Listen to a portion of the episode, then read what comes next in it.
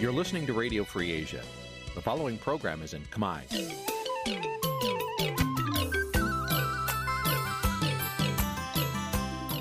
នេះជាកម្មវិធីផ្សាយ Vuthu Azizi Serai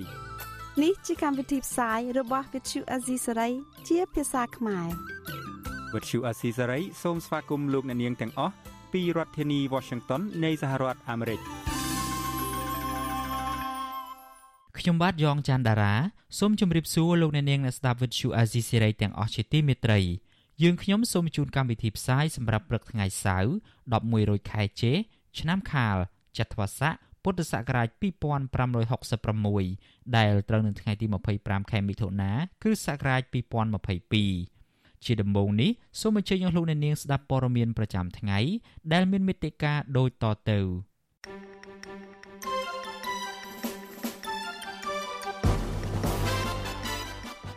រដ្ឋាភិបាលកម្ពុជាជំរុញការបោះបង្គោលព្រំដែន6%បន្ថែមទៀតជាមួយប្រទេសវៀតណាម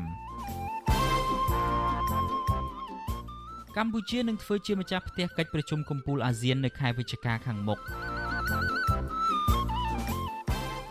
ប្រជាពលរដ្ឋនៅរាជធានីភ្នំពេញបន្តត្អូញត្អែពីការលំបាកដោយសារចំនួនទឹកភ្លៀងអ្នកជំនាញច្បាប់ថាការកាត់ក្តីជាក្រុមធំ ជាការបំពានគោលការណ៍យុត្តិធម៌ រួមនឹងព័ត៌មានសំខាន់សំខាន់មួយចំនួនទៀត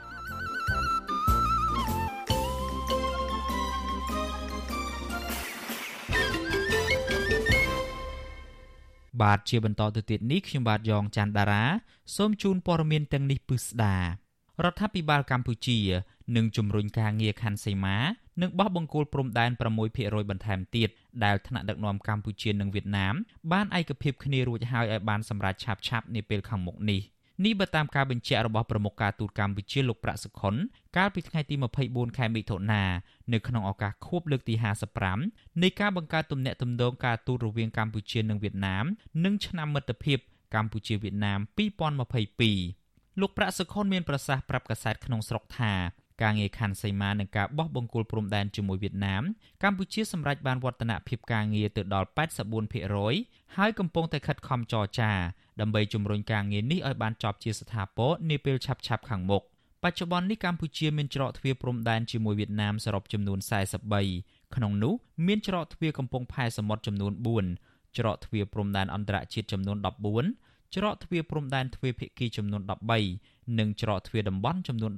12លោកបន្តថាចំពោះវិស័យសន្តិសុខនិងការពារជាតិកងកម្លាំងនៃប្រទេសទាំងពីររួមទាំងប៉ូលីសនិងយោធាបានបន្តសហការគ្នា ចាត់វិធានការយ៉ាងម៉ឺងម៉ាត់និងដោយប្រសិទ្ធភាពក្នុងការទប់ស្កាត់រាល់សកម្មភាពនៃបទល្មើសនិងឧក្រិដ្ឋកម្មឆ្លងដែនរួមមានភេរវកម្មការជួញដូរគ្រឿងញៀនការជួញដូរមនុស្សការរត់ពន្ធទំនិញនិងការកាប់ព្រៃឈើខុសច្បាប់ជាដើមពាក់ព័ន្ធទៅនឹងវិស័យសេដ្ឋកិច្ចវិញលោកប្រាក់សុខុនឲ្យដឹងថាទំហំពាណិជ្ជកម្មទ្វេភាគីនៃប្រទេសទាំងពីរមានការកើនឡើងគួរឲ្យកត់សម្គាល់ក្នុងឆ្នាំ2021កន្លងទៅកំណើនពាណិជ្ជកម្មនៃប្រទេសទាំងពីរ បានកើនឡើងដល់ចំនួនទឹកប្រាក់ជិត10,000លានដុល្លារអាមេរិកលោកអ្នកនាងជាទីមេត្រីតកតងទៅនឹងបញ្ហាអាស៊ានវិញប្រធានាធិបតីចិនលោកស៊ីជីនពីងប្រកាសពីការបដិញ្ញាចិត្តរបស់ចិននៅក្នុងការជួយជ្រោមជ្រែងកម្ពុជាក្នុងនាមជាប្រធានអាស៊ានក្នុងភាពជាដៃគូអភិវឌ្ឍសកលមេដឹកនាំចិនថ្លែងដូចនេះនៅក្នុងកិច្ចប្រជុំជាន់ខ្ពស់នៃថ្នាក់ដឹកនាំ BRICS បូកស្ដីពីការអភិវឌ្ឍជាសកលក្រោមមូលបត្រ លើកកម្ពស់ភាពជាដៃគូអភិវឌ្ឍសកលសម្រាប់យុគសម័យថ្មីដើម្បីរួមគ្នាអនុវត្តរបៀបវិរៈឆ្នាំ2030សម្រាប់ការអភិវឌ្ឍប្រកបដោយចីរភាពកិច្ចប្រជុំតាមរយៈប្រព័ន្ធវីដេអូកាលពីយប់ថ្ងៃទី24មិថុនាម្សិលមិញមានមេដឹកនាំអាស៊ានចូលរួមនិងរួមមានទាំងមេដឹកនាំរុស្ស៊ីលោក Vladimir Putin ផងដែរ។ លោកនាយករដ្ឋមន្ត្រីហ៊ុនសែនថ្លែងថាកិច្ចសហប្រតិបត្តិការ BRICS បូកគឺជាកាលានុវត្តភាពមួយដ៏សំខាន់សម្រាប់ពង្រឹងភាពជាដៃគូជាមួយបណ្ដាប្រទេសផ្សេងៗក្នុងការបង្កើតវេទិកាសម្រាប់លើកកម្ពស់កិច្ចសហប្រតិបត្តិការជាក់ស្ដែងក្នុងវិស័យអាទិភាពសំខាន់សំខាន់ដើម្បីបង្កើតឱកាសការងារកាត់បន្ថយភាពក្រីក្រព្រមទាំងការធានាសន្តិសុខស្បៀងនិងធម្មពលនៅក្នុងការសម្រេចឲ្យបាននូវរបៀបវិរៈឆ្នាំ2030សម្រាប់ការអភិវឌ្ឍប្រកបដោយចីរភាព។ លោកហ៊ុនសែនចូលរួមកិច្ចប្រជុំប្រិកបូកនេះនៅស្របពេលដែលកម្ពុជានឹងធ្វើជាម្ចាស់ផ្ទះនៃកិច្ចប្រជុំកំពូលអាស៊ាន រយៈពេល4ថ្ងៃគឺចាប់ពីថ្ងៃទី10ដល់ថ្ងៃទី13ខែវិច្ឆិកាខាងមុខ រដ្ឋលេខាធិការក្រសួងការបរទេសនិងសហប្រតិបត្តិការអន្តរជាតិលោកលុយដាវីតថ្លែងប្រាប់ប្រព័ន្ធឃោសនាក្នុងស្រុកកាលពីថ្ងៃទី24មិថុនាថាមេដឹកនាំអាស៊ានបានឯកភាពរៀបចំកិច្ចប្រជុំកំពូលអាស៊ាននៅរាជធានីភ្នំពេញនៅចុងឆ្នាំ2022នេះដោយក្រុមមេដឹកនាំអាស៊ាននឹងអញ្ជើញចូលរួមប្រជុំដោយផ្ទាល់ លោកបន្ថែមថានៅមុនពេលកិច្ចប្រជុំកំពូលអាស៊ានដែលនឹងធ្វើឡើងនៅក្នុងខែវិច្ឆិកានោះអាស៊ាននឹងមានកិច្ចប្រជុំថ្នាក់រដ្ឋមន្ត្រីការបរទេសអាស៊ានលើកទី55ដែលនឹងធ្វើឡើងនៅរាជធានីភ្នំពេញដែរគឺចាប់ពីថ្ងៃទី31ខែកក្កដាដល់ថ្ងៃទី6ខែសីហាឆ្នាំ2022នេះទោះជាយ៉ាងណាលោកនាយរដ្ឋមន្ត្រីហ៊ុនសែនបានទទួលរងនឹងការរិះគន់យ៉ាងខ្លាំងពីប្រទេសលោកសេរី ដោយសារតែលោកងាករេខ្លាំងទៅរកប្រទេសចិនកុម្មុយនីសនិងការចោទប្រកាន់ថាលោកបើកឲ្យមានមូលដ្ឋានទ័ពចិននៅក្នុងមូលដ្ឋានកងទ័ពជើងទឹករៀមនៅក្នុងក្រុងប្រសេះហនុក្នុងពេលដែលកម្ពុជាធ្វើជាប្រធានអាស៊ាន ដែលនឹងធ្វើឲ្យប៉ះពាល់ដល់សន្តិសុខនៅក្នុងតំបន់សហគមន៍ជាតិនិងអន្តរជាតិធ្លាប់រិះគន់លោកហ៊ុនសែនក្រោយពីលោកបានបរាជ័យក្នុងការរៀបចំកិច្ចប្រជុំកំពូលអាស៊ានលើកទី21កាលពីឆ្នាំ2012ដែលលោកលំអៀងខ្លាំងទៅរកប្រទេសចិន ហើយមិនអាចចេញសេចក្តីថ្លែងការណ៍រួមបានតាក់ទងទៅនឹងបញ្ហាចំនួនសមុទ្រចិនខាងត្បូងក្រុមអ្នកតាមដានស្ថានភាពនយោបាយអន្តរជាតិលើកឡើងថាកម្ពុជានឹងអាចធ្វើដោយកាលពីឆ្នាំ2012ទៀតប្រសិនបើប្រធានអាស៊ាន នៅតែមានទំនោរទៅរកចិនខ្លាំងដដែលនោះ។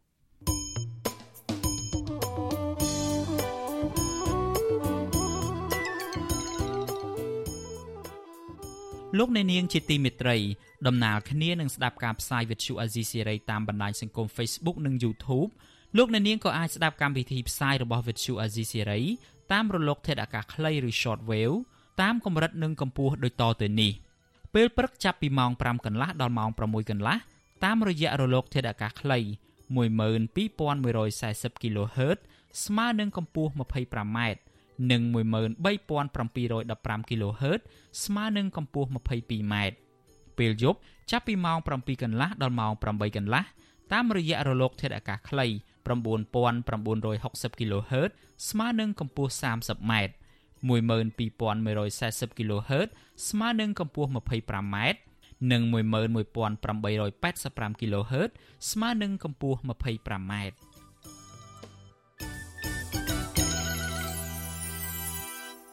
បាទលោកអ្នកនាងជាទីមេត្រីប្រជាពលរដ្ឋរស់នៅរាជធានីភ្នំពេញត្អូញត្អែពីបញ្ហាទឹកលិចរាល់ពេលមានភ្លៀងធ្លាក់ម្ដងម្ដង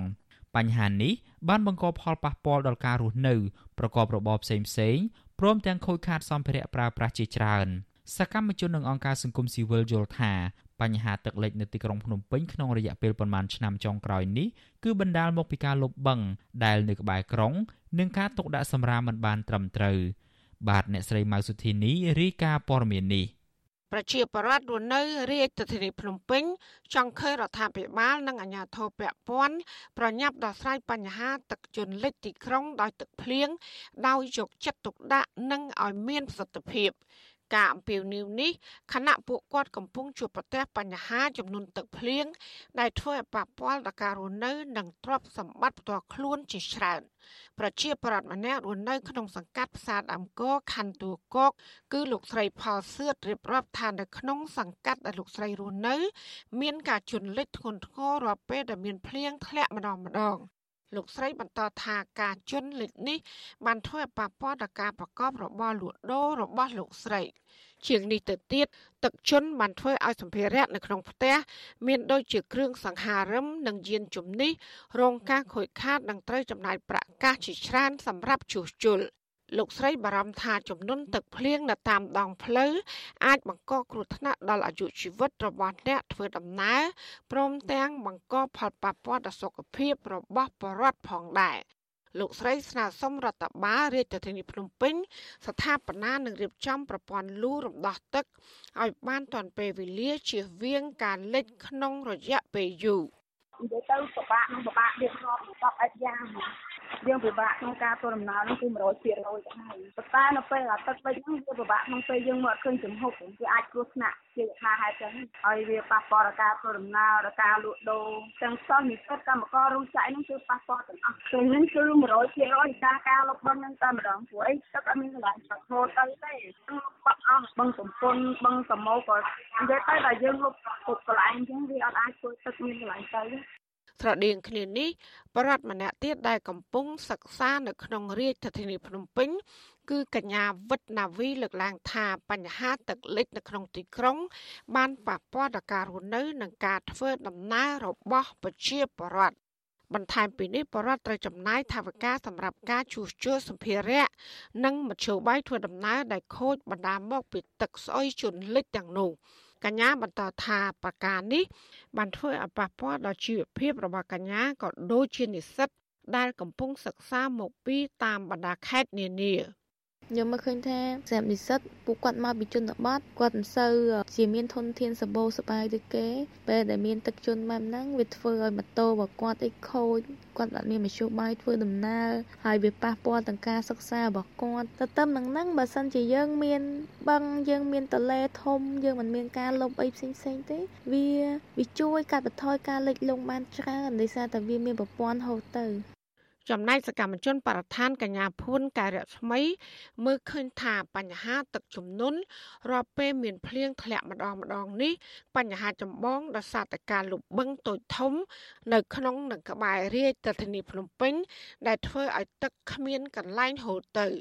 ក្រៅពីនេះ កញ្ញាមើលឃើញថាប្រព័ន្ធលូហាក់បីដូចជាមិនមានរៀបចំឲ្យមានស្តង់ដារដើម្បីពន្លឿនការហូររំដោះទឹកឲ្យបានទាន់ពេលវេលានោះទេ ទន្ទឹមនឹងការទុកដាក់សម្រាម ក៏មិនបានត្រឹមត្រូវនោះដែរកញ្ញាបន្ថែមថាបញ្ហាទឹកជន់លិចនៅក្នុងរដូវវស្សា គឺកំពុងធ្វើឲ្យប៉ះពាល់ដល់ប្រជាពលរដ្ឋជាពិសេសគឺសិស្សនិស្សិតដែលមានជីវភាពខ្សត់ខ្សោយហើយដែលត្រូវចំណាយប្រាក់លើការជួសជុលម៉ូតូខូចដោយសារតែទឹកលិច យើងមើលឃើញការលុបបឹងក៏ជាចំណែកធំមួយដែររួមចំណែកដែលធ្វើឲ្យមានការលិចទឹកនៅក្នុងទីក្រុងភ្នំពេញខ្ញុំគិតថារដ្ឋាភិបាលគួរតែបញ្ឈប់ការលុបបឹងជាក់ស្ដែងយើងមើលមានការលុបបឹងតពុនបឹងកក់ហើយកន្លែងទួកកដែលយើងមើលឃើញវីដេអូបងប្អូនប្រជាពលរដ្ឋក៏ធ្លាប់លើកឡើងគាត់ថាគាត់រស់នៅ20ឆ្នាំហើយមិនដែលលិចទេប៉ុន្តែឆ្នាំនេះគឺលិចចូលដល់ផ្ទះគាត់ហើយ ប្រធានកម្មវិធីផ្នែកស្រាវជ្រាវនិងតស៊ូមតិនៃសមាគមបណ្ដាញយុវជនកម្ពុជាលោកហេងកំហុងយកឃើញថាការលុបបឹងធំធំមួយចំនួនកន្លងមកនេះដូចជាបឹងកក់និងបឹងតាមុខជាដើម កំពុងបង្ហាញសញ្ញាគម្រិតកំហែងដល់ការជន់លិច នៅក្នុងរាជធានីភ្នំពេញលោកបន្តថាការជន់លិចទីក្រុងមិនត្រឹមតែធ្វើឲ្យប៉ះពាល់ដល់ការរស់នៅ និងសុខុមាលភាពរបស់ប្រជាពលរដ្ឋប៉ុណ្ណោះទេក៏ប៉ុន្តែវាបាន បង្កផលប៉ះពាល់ធ្ងន់ធ្ងរដល់បរិស្ថាន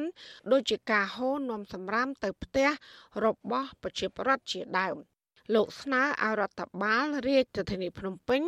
បង្កើនការស្ថាបនាលូរំដោះទឹកឲ្យមានប្រសិទ្ធភាព និងធានាបានថាការទុកដាក់សម្រាមបានត្រឹមត្រូវដែលមិនបង្កឲ្យមានការកកស្ទះនៅតាមមាត់លូ យើងពិតជាមានការព្រួយបារម្ភមែនទែននៅពេលដែលការលុបបឹងនៅតែបន្តកើតមានឡើងជាពិសេសបឹងតាមុកឬក៏បឹងជើងឯកឬក៏បឹងមួយចំនួននៅក្នុងទីក្រុងភ្នំពេញហ្នឹងបានបន្តលុបជាបន្តបន្ទាប់ខណៈពេលដែលការរៀបចំប្រព័ន្ធលូហ្នឹងមិនទាន់រួចរាល់ដែលវាជាសញ្ញាណបង្ហាញអំពីការគម្រាមកំហែងធ្ងន់ធ្ងរទៅដល់ការជន់លិចទីក្រុងក្នុងករណីដូចជាកន្លងមកនេះចឹងបាទ វត្ថុអសីស្រីមិនទាន់អាចតកតងមន្ត្រីសាលារាជធានីភ្នំពេញដើម្បីសុំការបញ្យល់អំពីបញ្ហានេះបានទេនៅថ្ងៃទី24ខែមិថុនាក៏ប៉ុន្តែកន្លងមកមន្ត្រីរដ្ឋាភិបាល តែងអះអាងថាករណីទឹកលិចរាជធានីភ្នំពេញ នៅពេលដែលមានភ្លៀងធ្លាក់ម្ដងម្ដង គឺដោយសារតែគ្រោះធម្មជាតិទោះយ៉ាងណាសមាគមធៀងថ្នោតបានរកឃើញថាករណីទឹកលិច នៅរាជធានីភ្នំពេញនៅពេលដែលមានភ្លៀងធ្លាក់ម្ដងម្ដងនោះ គឺអាចបណ្ដាលមកពីខ្វះអាងរំដោះហើយដែលកន្លងមកគឺពឹងទៅលើបឹងធម្មជាតិធំធំ ក៏ប៉ុន្តែបច្ចុប្បន្នបឹងទាំងនេះត្រូវបានចាក់ដីលុបអស់ជាច្រើនសមាគមធៀងថ្នោតបានចេញរបាយការណ៍លម្អិតអំពីបញ្ហានេះថាបឹងធម្មជាតិចំនួន16ត្រូវបានគេលុបទាំងស្រុងហើយបឹងចំនួន10ទៀតកំពុងត្រូវបានគេចាក់លុបផ្នែកខ្លះក្នុងចំណោមបឹងធម្មជាតិចំនួន26នៅរាជធានីភ្នំពេញចាប់តាំងពីឆ្នាំ1990មក របាយការណ៍ដដែលក៏បានឲ្យដឹងដែរថាបឹងធម្មជាតិនិងតំបន់ដីសើមនៅរាជធានីភ្នំពេញ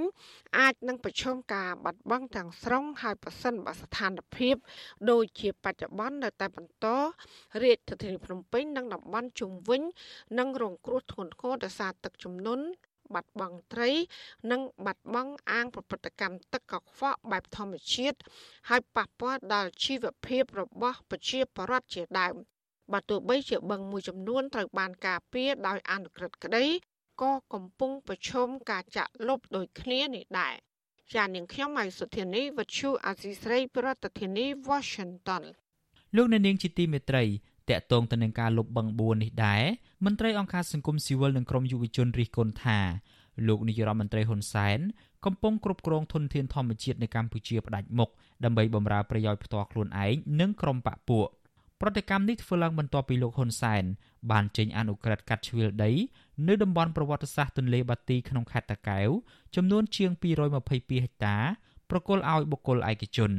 មន្ត្រីអង្គការសង្គមស៊ីវិលនិងក្រមយុវជនព្រួយបារម្ភអំពីការកាត់ផ្ទៃបឹងទន្លេបាទីនៅក្នុងខេត្តតាកែវទៅឲ្យក្រុមហ៊ុនឯកជននិងធ្វើឲ្យប៉ះពាល់ដល់តំបន់ធម្មជាតិវប្បធម៌និងធ្វើឲ្យប្រជាពលរដ្ឋបាត់បង់ចំណូលដែលទាញចេញពីវិស័យទេសចរ ប្រធានផ្នែកកម្មវិធីស្រាវជ្រាវនិងតស៊ូមតិនៃសមាគមបណ្ដាញយុវជនកម្ពុជាលោកហេងកំហុងភ្ញាក់ផ្អើលនៅពេលដែលរដ្ឋាភិបាលបានកាត់ផ្ទៃបឹងទន្លេបាទីជាង222ហិកតាបន្ថែមទៀតទៅឲ្យក្រុមហ៊ុនឯកជនលោកសង្កេតឃើញថាទុនធានធម្មជាតិបឹងទន្លេឆ្នេរសមុទ្រដែលរដ្ឋាភិបាលធ្វើអនុប្រយោគឲ្យក្រុមហ៊ុនឯកជន និងក្រុមបុគ្គលមានអំណាចកន្លងមកនេះគឺគ្មានដំណាភាពទេដែលធ្វើឲ្យប៉ះពាល់ដល់បរិស្ថាន និងផលប្រយោជន៍ប្រជាពលរដ្ឋនៅមូលដ្ឋានជាច្រើនលោកអំពីវនីវដល់រដ្ឋាភិបាលគួរតែបញ្ឈប់ការចេញអនុក្រឹត្យស្ដីពីការផ្ដល់ធនធានធម្មជាតិសម្បត្តិរដ្ឋទៅឲ្យក្រុមហ៊ុនឯកជនគ្រប់គ្រងដើម្បីអភិរក្សធនធានធម្មជាតិដែលបន្សល់ទុកចុងក្រោយសម្រាប់មនុស្សជំនាន់ក្រោយ។ ការអភិវឌ្ឍបច្ចុប្បន្ននេះហាក់បីដូចជាមិនគិតគូរអំពីអត្តសញ្ញាណនៃអរិយធម៌បាទសូម្បីតែតំបន់ដែលដែលបង្ហាញអំពីសក្តានុពលនៃវប្បធម៌ខ្មែរភ្ជាប់ផ្សារភ្ជាប់ជាមួយទឹកហ្នឹងក៏ចង់លុបចង់អីអញ្ចឹងជាដើមបាទនេះជាសម្រាប់ខ្ញុំក្នុងនាមជាកូនចៅចំនួនក្រោយរបស់បុព្វបុរសយើងហ្នឹងក៏មានអារម្មណ៍ថាមិនសប្បាយចិត្តចំពោះរឿងនេះដូចគ្នានេះដែរនាយកទទួលបន្ទុកកិច្ចការទូតទៅនៃអង្គការសិទ្ធិមនុស្សលីកាដូលោកអំសំអាតព្រួយបារម្ភថា ការកាត់ជ្រឿលដីនៅតំបន់ទន្លេបាទីទៅឲ្យអ្នកវិនិយោគនេះនឹងធ្វើឲ្យប៉ះពាល់ដល់តំបន់បឹងអភិរក្សប្រសិនបើស្ថាប័នពាក់ព័ន្ធខ្វះដំណាភាពនិងមិនអនុញ្ញាតឲ្យប្រជាពលរដ្ឋចូលរួមធ្វើសេចក្តីសម្រេចជាអតិភិបពីគម្រោងអភិវឌ្ឍនេះ។នៅ ទន្លេបន្ទីក៏យើងមានប្រាសាទបុរាណផងដែរសម្រាប់អភិរក្សឲ្យបានល្អសម្រាប់កូនចៅចំនួនក្រោយអញ្ចឹងចំណុចនេះបើសិនជាមិនមានការសិក្សាបានច្បាស់លាស់អំពីផលប៉ះពាល់នៃបរិស្ថានធម្មជាតិឬក៏អត់មានដំណាភាពទេអានឹងយើងមានការប្រួយបារម្ភវាអាចប៉ះពាល់ការអភិរក្សនៃបឹងធម្មជាតិក៏ដូចជាប្រាសាទបុរាណដែលនៅជាប់នឹងបឹងហ្នឹងណា ប្រតិកម្មរបស់ក្រមយុវជននិងអង្គការសង្គមស៊ីវិលនេះកើតមានឡើងក្រោយពីលោកនាយរដ្ឋមន្ត្រីហ៊ុនសែនបានសម្រេចកាត់ផ្ទៃបឹងទន្លេបាទីនៅក្នុងខេត្តតាកែវប្រមាណជាង222ហិកតាបន្ថែមទៀតផ្ដល់ទៅឲ្យអ្នកវិនិយោគដើម្បីផ្ដល់សិទ្ធិគ្រប់គ្រងនិងអភិវឌ្ឍនៅតំបន់នោះអនុក្រឹត្យចុះហត្ថលេខាដោយលោកហ៊ុនសែនកាលពីថ្ងៃទី2ខែមីនាឆ្នាំ2022និងទើបតែត្រូវបានផ្សព្វផ្សាយកាលពីពេលថ្មីៗនេះបង្ហាញថាតំបន់ទន្លេបាទីត្រូវបានបែងចែកជាពីរផ្នែកសំខាន់ៗ ដោយក្នុងនោះមួយផ្នែករក្សាទុកជាសម្បត្តិរដ្ឋនិងមួយផ្នែកទៀតរដ្ឋប្រគល់ឲ្យឯកជនសម្រាប់អភិវឌ្ឍផ្ទៃបឹងទន្លេបាទីដែលរដ្ឋាភិបាលបានរក្សាទុកនោះមានទំហំជិត100ហិកតាដោយស្ថិតនៅទីតាំងចំនួន2ក្នុងនោះផ្ទៃបឹងប្រមាណជាង57ហិកតាស្ថិតនៅក្នុងស្រុកបាទីខេត្តតាកែវនិងផ្ទៃបឹងជាង39ហិកតាទៀតស្ថិតនៅក្នុងស្រុកកណ្ដាលស្ទឹងខេត្តកណ្ដាលដោយឡែកផ្ទៃបឹងធម្មជាតិនៃទីភូមិសាស្ត្រទន្លេបាទី ប្រមាណជាង222ហិកតាលោកហ៊ុនសែនបានសម្រេចកាត់ជ្រៀលទៅឲ្យបុគ្គលម្នាក់ឈ្មោះស្រុនប៊ុនលៀបគ្រប់គ្រងជាកម្មសិទ្ធិឯកជនសម្រាប់ធ្វើការអភិវឌ្ឍទោះជាយ៉ាងណាគម្រោងអភិវឌ្ឍនៅលើផ្ទៃបឹងទន្លេបាទីប្រមាណជាង222ហិកតារបស់បុគ្គលឈ្មោះស្រុនប៊ុនលៀបនេះរដ្ឋាភិបាលនិងក្រសួងបរិស្ថានមិនទាន់បានបញ្ចេញរបាយការណ៍វិតម្លៃផលប៉ះពាល់បរិស្ថាន និងផលអវិជ្ជមានចំពោះប្រជាពលរដ្ឋមូលដ្ឋាននៅឡើយទេ វិទ្យុអាស៊ីសេរីមិនទាន់អាចតាក់ទងអ្នកនាំពាក្យក្រសួងរៀបចំដែនដីលោកសេងលូតអ្នកនាំពាក្យក្រសួងបរិស្ថានលោកណេតភត្រានិងបុគ្គលឈ្មោះស្រុនប៊ុនលៀបដើម្បីសូមអត្ថាធិប្បាយជុំវិញរឿងនេះបានទេនៅថ្ងៃទី24មិថុនាជុំវិញរឿងនេះគណៈបកប្រជាធិបតេយ្យមូលដ្ឋាន បានលើកឡើងនៅក្នុងទំព័រ Facebook របស់ខ្លួនថាសម្បីតែទន្លេបាទីដែលជាតំបន់ប្រវត្តិសាស្ត្រក៏ត្រូវបានគេស្នើលុបដើម្បីផលប្រយោជន៍ឯកជនដែរគណៈបកប្រជាធិបតេយ្យមូលដ្ឋាន ខកចិត្តចំពោះអនុក្រឹត្យរបស់លោកហ៊ុនសែនដោយគណៈបកនេះស្នើឲ្យរដ្ឋាភិបាលអភិរក្សនិងអភិវឌ្ឍទន្លេបាទីឲ្យក្លាយជាតំបន់ទេសចរធម្មជាតិវប្បធម៌ប្រវត្តិសាស្ត្រដែលជួយដល់ការរកប្រាក់ចំណូលរបស់សហគមន៍មូលដ្ឋាន និងការលំហែសុខភាពរបស់ប្រជាពលរដ្ឋតកតងទៅនឹងរឿងនេះដែរប្រធានមជ្ឈមណ្ឌលប្រជាពលរដ្ឋដើម្បីអភិវឌ្ឍនិងសន្តិភាពលោកយងកឹមអេងសោកស្ដាយចំពោះរដ្ឋាភិបាល ដែលចេញអនុក្រឹត្យផ្ដល់សិទ្ធិឲ្យក្រុមហ៊ុនឯកជនក្នុងការគ្រប់គ្រងនៅតំបន់ទន្លេបាទីដែលជាតំបន់អភិរក្សលោកលើកឡើងថានៅកម្ពុជា មានតំបន់ជាច្រើនសម្រាប់អភិវឌ្ឍដូច្នេះលោកថារដ្ឋាភិបាលមិនគួរផ្ដល់សិទ្ធិដល់អ្នកវិនិយោគលើតំបន់អភិរក្សបឹងទន្លេបាទីដែលប្រឈមការចាក់ដីលុបធ្វើឲ្យបាត់បង់អត្តសញ្ញាណវប្បធម៌នោះឡើយ។ខ្ញុំមានការព្រួយបារម្ភទន្លេបាទីដែលជាកន្លែងដែលផ្ដល់ប្រភពទឹក មួយសំខាន់ដែលនឹងអាចនឹងបាត់បង់ថ្ងៃក្រោយហើយវាអាចប៉ះពាល់ដល់ប្រាសាទបុរាណនៅទីនោះផងដែរបាទនេះជារឿងមួយសំខាន់បឹងផ្សេងផ្សេងការលុបនោះវាគួរឲ្យសោកស្ដាយហើយផលប៉ះពាល់អវិជ្ជមានរួចទៅហើយសម្រាប់ជាប្រវត្តិសម្រាប់ទន្លេបាទីខ្ញុំថាมันគួរនឹងមានករណីកាត់ឈឿននោះកើតឡើងទេបាទរមណីយដ្ឋានផ្ទៃបឹងទន្លេបាទីស្ថិតនៅក្នុងស្រុកបាទីខេត្តតាកែវគឺជារមណីយដ្ឋានមួយដែលប្រជាពលរដ្ឋចាត់ទុកថាជាតំបន់ពោពេញដោយសក្តានុពល និងជាទីសក្ការៈគោរពបូជាព្រមទាំងមានប្រាង្គប្រាសាទចំនួន2ស្ថិតនៅទិសខាងលិចនៃផ្ទៃបឹងទន្លេនេះក្រៅពីនេះផ្ទៃបឹងទន្លេបាទីលាតសន្ធឹងចាប់ពីស្រុកបាទីដល់ស្រុកកណ្ដាលស្ទឹងខេត្តកណ្ដាលដែលមានទទឹងជាង1000ម៉ែត្រនិងបណ្ដោយជាង7000ម៉ែត្រដែលជាអាងស្តុកទឹក នៅក្នុងការទ្រទ្រង់ប្រាង្គប្រាសាទប្រវត្តិសាស្ត្រលើសពីនេះទៅទៀតតំបន់ទន្លេបាទីក៏ជាតំបន់ដែលសម្បូរដោយធនធានជីវៈចម្រុះនិងពពួកមច្ឆា ដែលប្រជាពលរដ្ឋជាច្រើនគ្រួសារអាស្រ័យផល ពីរបរនេសាទសម្រាប់ផ្គត់ផ្គង់ជីវភាពគ្រួសារមន្ត្រីអង្គការសង្គមស៊ីវិលប្រួយបារម្ភថាភូមិសាស្ត្រតំបន់អភិរក្សវប្បធម៌មួយនេះ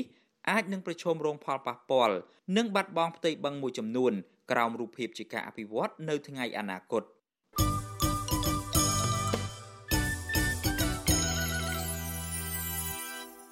លោកអ្នកនាងកំពុងស្ដាប់ការផ្សាយរបស់ Vuthu Azizi Serai ពីរដ្ឋធានី Washington សហរដ្ឋអាមេរិកតកតងទៅនឹងបញ្ហាបឹងតមោកវិញប្រជាពលរដ្ឋរស់នៅក្បែរបឹងតមោកស្ថិតនៅភូមិសំរោងត្បូងសង្កាត់សំរោងខណ្ឌព្រែកភ្នៅរាជធានីភ្នំពេញបដិញ្ញាស៊ូស្លាប់លើដីមិនព្រមចុះចេញពីលំនៅឋាននោះទេពួកគាត់បានតវ៉ាកាលពីថ្ងៃទី23ខែមិថុនាដើម្បីជំទាស់នឹងអាជ្ញាធរដែលមានគម្រោងបណ្តេញពួកគាត់ចេញទាំងបង្ខំមន្ត្រីសិទ្ធិមនុស្សជំរុញឲ្យអាជ្ញាធរដោះស្រាយបញ្ហានេះ តាមសំណុំពររបស់ប្រជាពលរដ្ឋដោយមិនត្រូវប្រើវិធានការបណ្ដេញពួកគាត់ចេញពីលំនៅឋានដោយបង្ខំនោះទេ បាទលោកជាតិចំណានរាយការណ៍ព័ត៌មាននេះ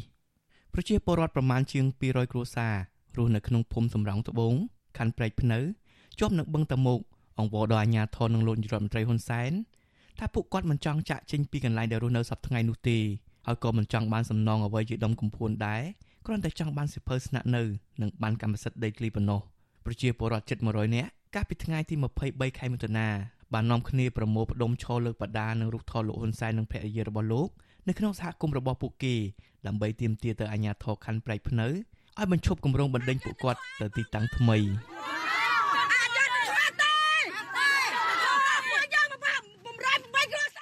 ពលរដ្ឋម្នាក់លោកយាយអ៊ំយេតថាពលរដ្ឋរស់នៅក្បែរបឹងតមោកឃុំសំរោងស្បូងមានប្រមាណ250គ្រួសារ ស្មើនឹងផ្ទះ108ខ្នងហើយពួកគាត់មិនសុខចិត្តចាក់ចេញពីផ្ទះរបស់ពួកគាត់ទេទោះបីជាអាជ្ញាធរដេញពួកគាត់យ៉ាងណាក៏ដោយ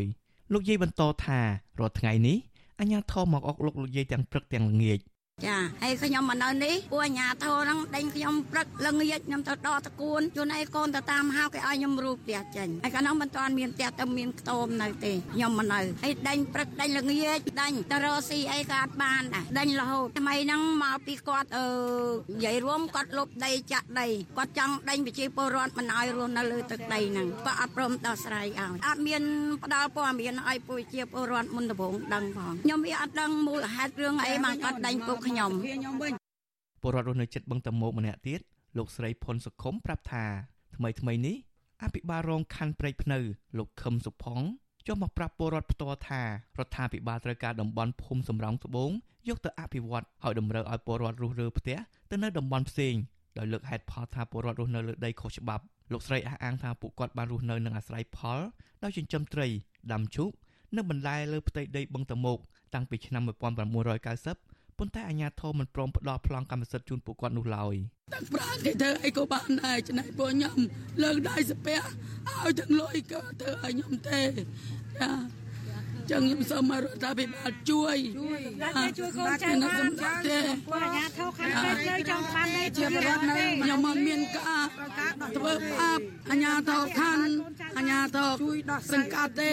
ពួកគាត់ជាម៉ែឲ្យយើងប៉ុន្តែខ្ញុំសំណងបងគាត់អត់យកចិត្តទុកដាក់ទេគាត់នៅតែចោទខ្ញុំណានៅឯទៅត្រៀនត្រៀនដៃបងពលរដ្ឋដែលរងការបណ្ដេញចេញម្នាក់ទៀតនៅភូមិសំរោងត្បូងលោកស្រីកុងទឿពលទាំងមិនសុខចិត្ត ដោយស្នើឲ្យរដ្ឋាភិបាលលោកហ៊ុនសែនមើលទុកលំបាករបស់ពលរដ្ឋនិងឲ្យពលរដ្ឋរស់នៅក្រោមដំបូលសន្តិភាពរបស់លោកដោយកក់ក្ដៅផងលោកស្រីបន្ថែមថាពីលើកមុនលោកស្រីបានទៅតវ៉ានៅសាលាខណ្ឌម្ដងហើយតែអាជ្ញាធរលួងលោមក្រុមលោកស្រីឲ្យត្រឡប់មកផ្ទះវិញសិនដោយសន្យាថានឹងដោះស្រាយធ្វើប្លង់កម្មសិទ្ធិឲ្យតែមកដល់ពេលនេះមិនទាន់ធ្វើប្លង់នោះទេលោកស្រីលើកឡើងថាគាត់ឃើញអ្នកមានលុយអ្នកមានអំណាចចង់បានដីកន្លែងដែលមានប្លង់ទាំងអស់ហើយលោកស្រី ចោទជាសំណួរថាតើដីរបស់រដ្ឋមានសិទ្ធិសម្រាប់តែមន្ត្រីរាជការនោះទេ ពីមុនដំបូងខ្ញុំធ្វើស្រូវស្រែស្រែប្រាំងដល់ទៅពើ